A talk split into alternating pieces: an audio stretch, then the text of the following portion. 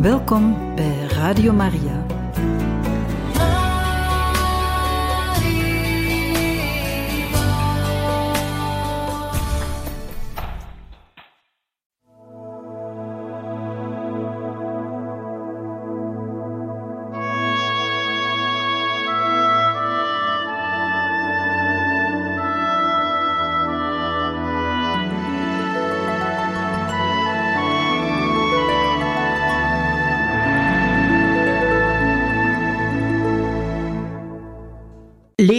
Jozef kardinaal Sunens.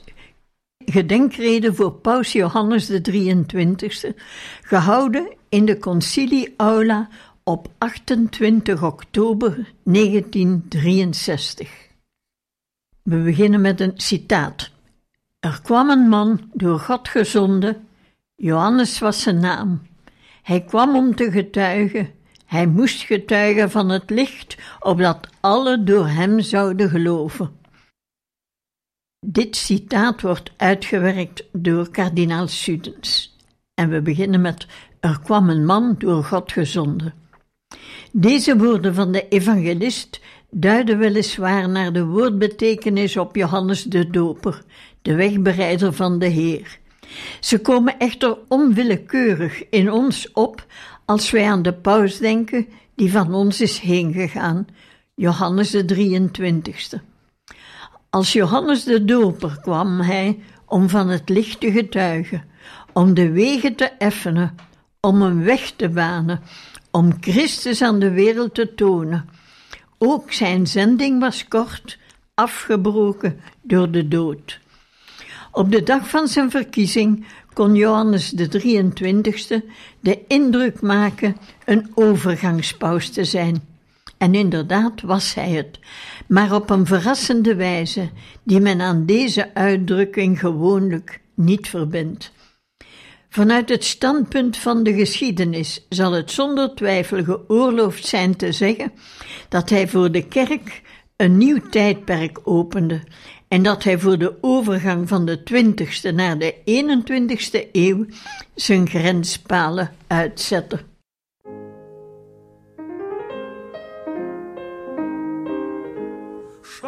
Das schöne grüne Band, das ist verbleicht hier an der Wand.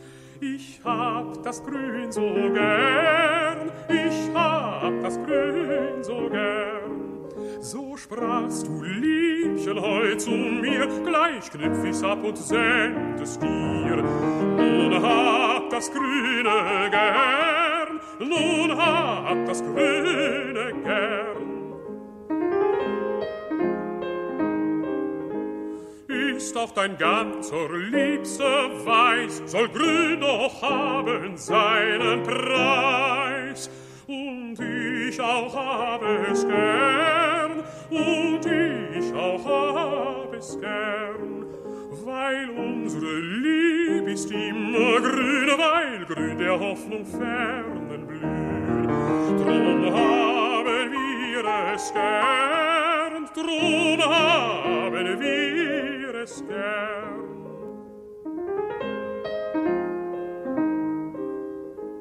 Nun schlinge in die Locken dein das grüne Band gefällig ein. Du hast ja's Grün so gern, du hast ja's Grün so gern. Dann weiß ich, wo die Hoffnung wohnt, dann weiß ich, wo die Liebe thront. Dann hab ich's Grün erst dann hab ich's Grün erst. De dood. Iedere concilievader bewaart in zijn hart de levendige herinnering aan onze laatste ontmoeting met hem hier aan het graf van Petrus. Ieder zei bij zichzelf: Is dat het uur van afscheid? Zal de vader die tot ons spreekt zijn kinderen weerzien?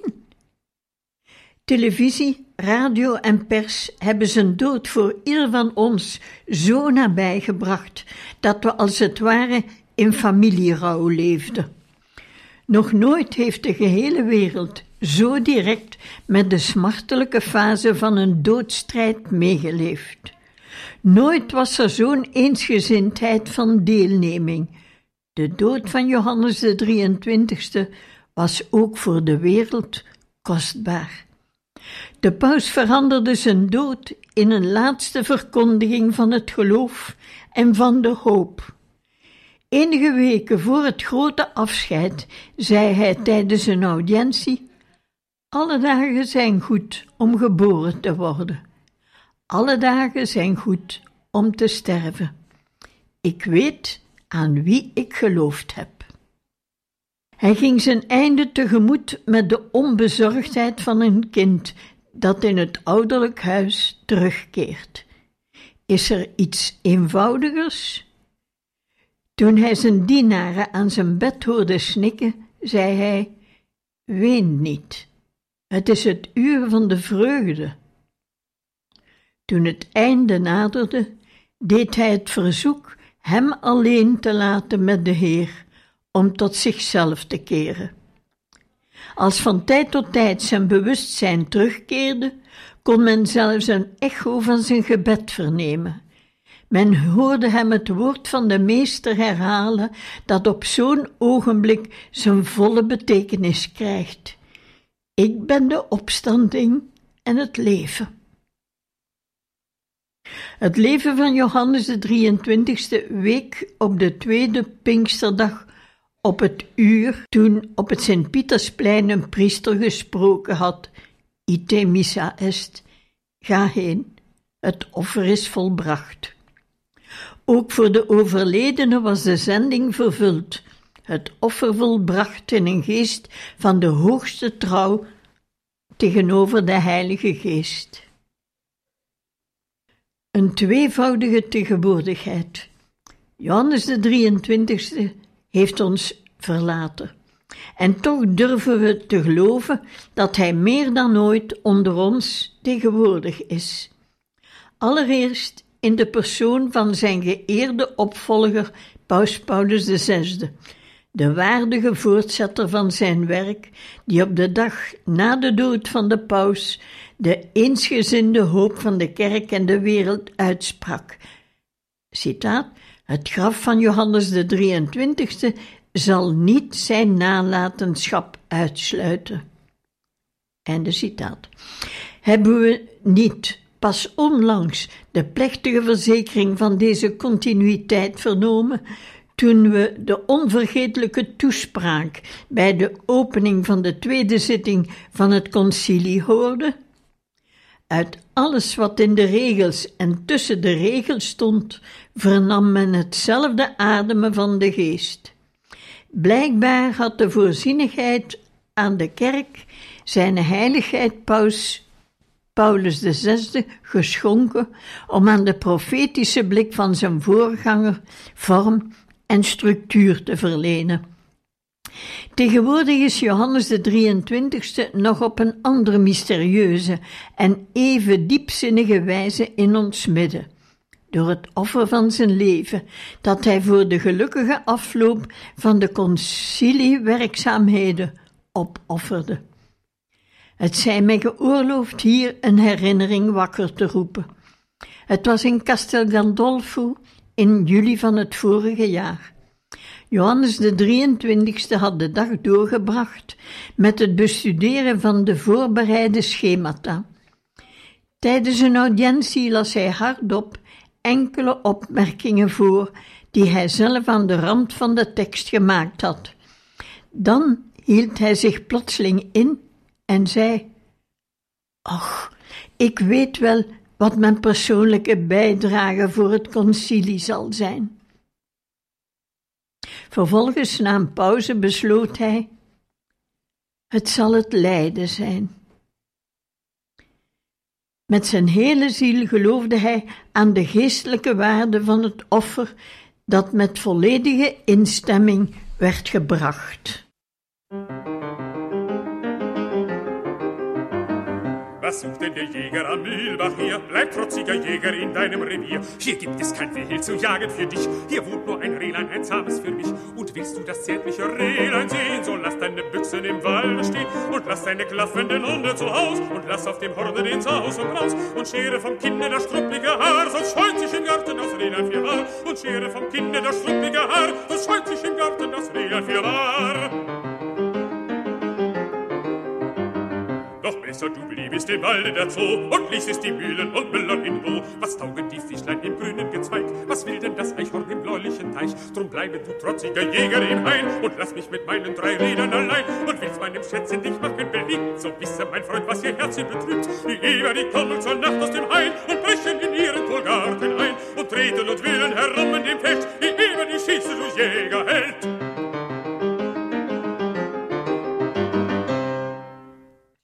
Johannes was zijn naam. In één woord samengevat zou men kunnen zeggen dat Johannes de 23e een verbazingwekkend natuurlijk en tegelijk ook bovennatuurlijk mens was. Natuur en genade waren één in een levende eenheid vol charme en originaliteit. Hij was bovennatuurlijk als het ware op geheel natuurlijke wijze. Hij was natuurlijk met zo'n bovennatuurlijke geest dat geen begrenzing meer te vinden was. Hij ademde het geloof, precies zoals hij ook fysische en morele gezondheid ademde met volle longen. Hij leefde in de tegenwoordigheid van God, schreef men, met de vanzelfsprekendheid van iemand die in de straten van zijn geboortestad gaat wandelen. Hij stond met zijn beide benen op de grond en hij interesseerde zich voor de dagelijkse zorgen van de mensen met levendige sympathie. Maar hij stond ook met beide benen in de wereld van het bovennatuurlijke, in een vertrouwelijke omgang met engelen en heiligen. Hij hield ervan zijn voorliefde aan anderen mee te delen en hij toonde ook de moed om zich tot deze vriendschappen te bekennen.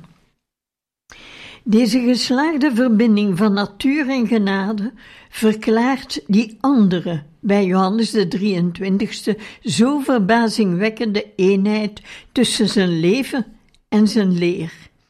Bij hem is geen tweespal te vinden. Naar het voorbeeld van de Heer, van wie de heilige Johannes zei dat zijn leven licht was, verlichtte de overleden paus de mensen zelf door zijn leven. Licht en warmte waren bij hem onverbrekelijk verbonden als bij de zon die alles op aarde verlicht en verwarmt. Zo is Johannes de 23ste aan de wereld verschenen, niet als een tropenzon die door de sterkte van haar schittering verblindt, maar als de deemoedige en vertrouwde zon van alle dagen, die er gewoonweg is, op haar post, steeds zichzelf trouw, ook als zij voor een ogenblik door een wolk bedekt wordt, en die men nauwelijks opmerkt, zo zeker is men van haar tegenwoordigheid. Johannes de 23ste had niet de naïviteit te geloven dat de goedheid alle problemen zou kunnen oplossen. Maar hij wist dat zij de harten voor het gesprek opent, voor het begrip en de wederzijdse achting. Hij vertrouwde op de kracht van Christus liefde die in een mensenhart brandt. Hij wist ook dat de waarheid beter in de geest van de mensen binnendringt als deze voor hen als een openbaring van de liefde verschijnt. Johannes de 23ste kon God aan de mensen openbaren, beter wellicht dan anderen die meer kennis en geleerdheid bezaten, daar hij in de loop van lange jaren de trouwe getuige van de levende God was, van de God die de mensen lief heeft. Om echter de anderen in zo'n graad lief te hebben, is er een mysterie nodig. Men moet zichzelf verloochenen. Die liefde, zo heeft men gezegd, is een zuiver acht geven op het bestaan van de naaste. Om geheel voor de anderen te leven, moet men terugkeer tot zichzelf geheel uitsluiten. Het vergeten van zichzelf is een voorwaarde tot het schenken van zichzelf. Johannes de 23ste laat ons het aandenken van een mens achter, die in zijn eigen ogen opgehouden had te bestaan. Hij stond boven alle aardse ijdelheden. Deze zelfverloochening was zijn voortdurende geesteshouding. Zijn diepgaande deemoed stond hem toe over zichzelf met bevrijdende humor te spreken, alsof hij over iemand anders sprak. Deze onmiskenbare accenten verneemt men nog enkele weken voor zijn dood bij de overhandiging van de Balzan Vredesprijs. Citaat: De deemoedige paus die tot u spreekt, zei hij, is er zich ten volle van bewust dat hij persoonlijk voor God heel weinig betekent. Hij kan niets doen dan zich verdeemoedigen. Wij zeggen het u in alle eenvoud hoe wij daarover denken. Geen omstandigheid en geen gebeurtenis, hoe eervol die ook voor onze deemoedige persoon mogen zijn, kan ons aanmatigend maken, noch de vrede van onze ziel verstoren. Einde citaat. So schnell, so kraus und wild, mein lieber Bach, als du voll Zorn dem frechen Bruder Jäger nach? Kehr um, kehr um und schielt erst eine Müllerin für ihren leichten, losen kleinen Flappersinn. Kehr um, kehr um, kehr um, Sahst du sie gestern Abend nicht am Tore stehen, mit langem Halse nach der großen Straße sehen? Wenn von dem Pfannenjäger lustig zieht nach Haus, da steckt kein Sitz am Kind den Kopf zum Fenster aus. Wenn von dem Pfannenjäger lustig zieht nach Haus, da steckt kein Sitz am Kind den Kopf zum Fenster aus. Geh Wäschlein hin und sag ihr das, geh Wäschlein hin und sag ihr das. Doch sag ihr nicht, hörst du kein Wort von meinem traurigen Gesicht. Sag ihr, er schnitzt bei mir sich eine Pfeife aus Rot und bläst den Kindern schöne Tänze und Lieder vor. Sag ihr, sag ihr, er schnitzt bei mir sich eine Pfeife aus Rot. Sag ihr, sag ihr, er bläst den Kindern schöne Tänze und Lieder vor. Sag ihr's, sag ihr's, sag ihr's.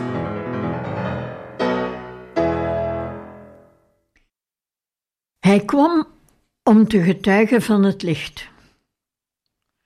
Als we van de mens afzien om het volbrachte werk te beschouwen, verschijnt voor ons zijn leven als een drievoudige genade. Een genade voor de gelovigen van de katholieke kerk, een genade voor alle christenen, een genade voor alle mensen die van goede wil zijn. 1.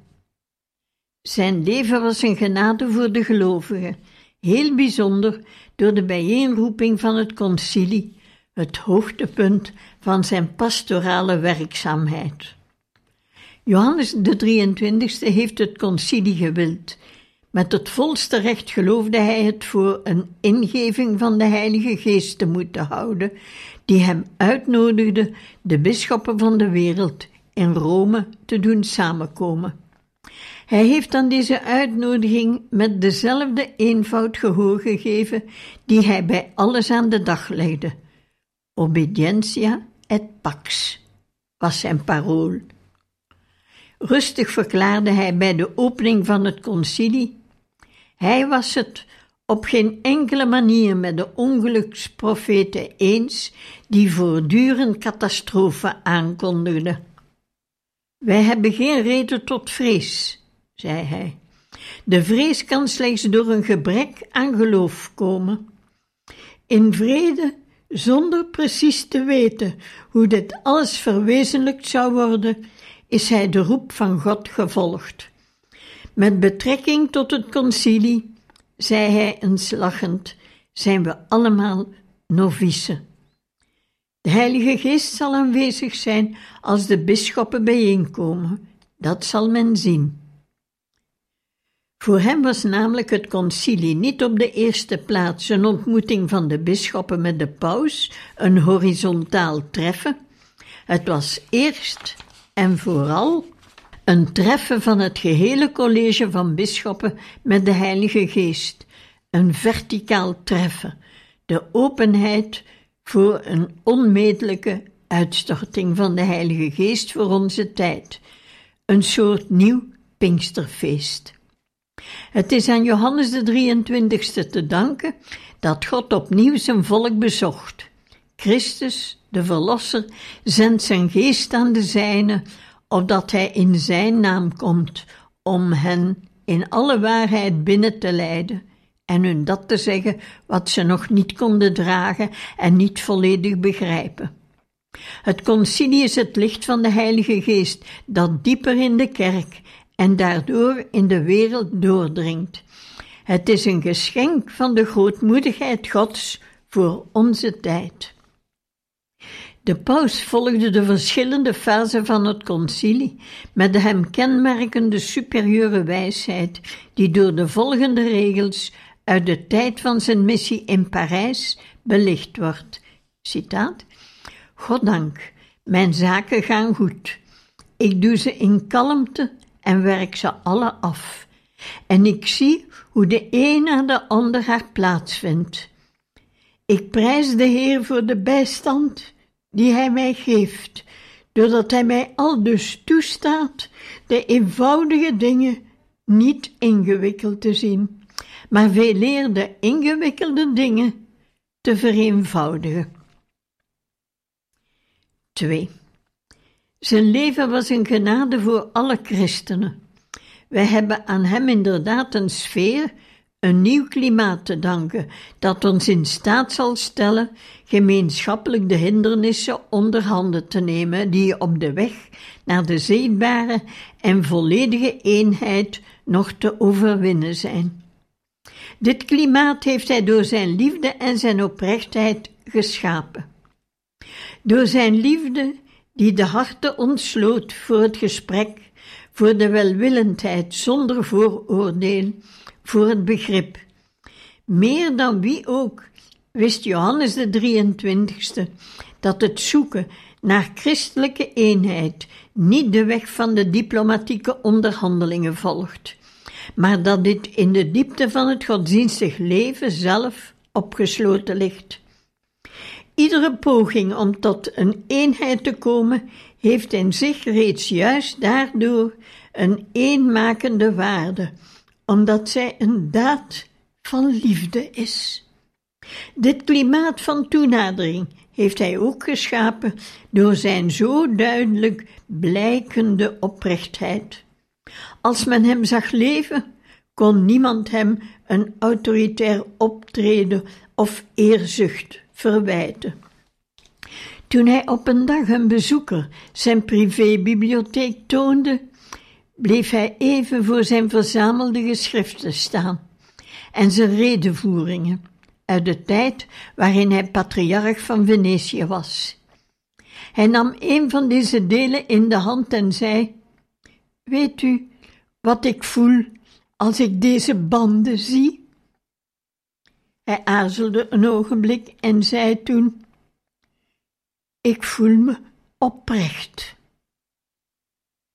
Deze bekentenis openbaart het mysterie van zijn invloed.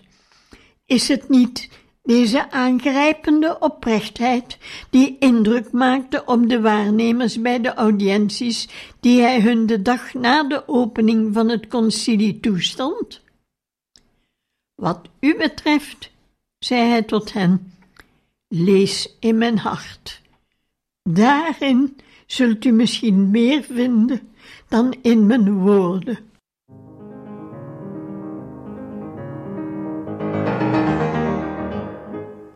Ich möchte ziehen in die Welt hinaus, hinaus in die weite Welt.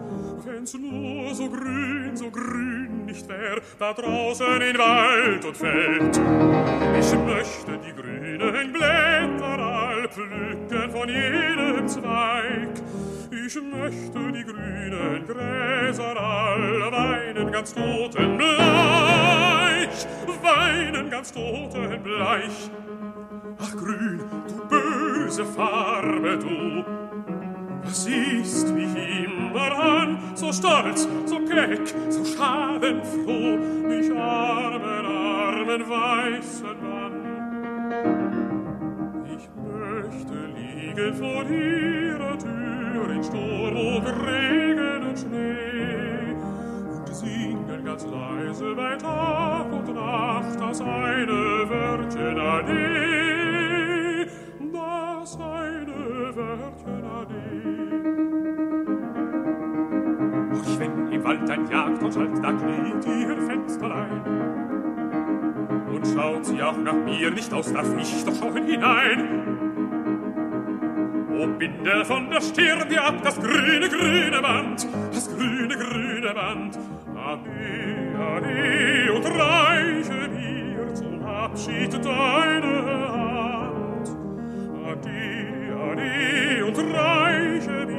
zum Abschied deine Hand. Zum Abschied deine Hand.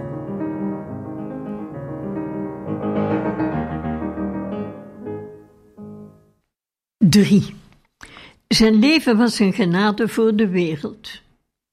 Johannes de 23e, de paus van het gesprek, was dit bijzonder tegenover de mensen van onze tijd.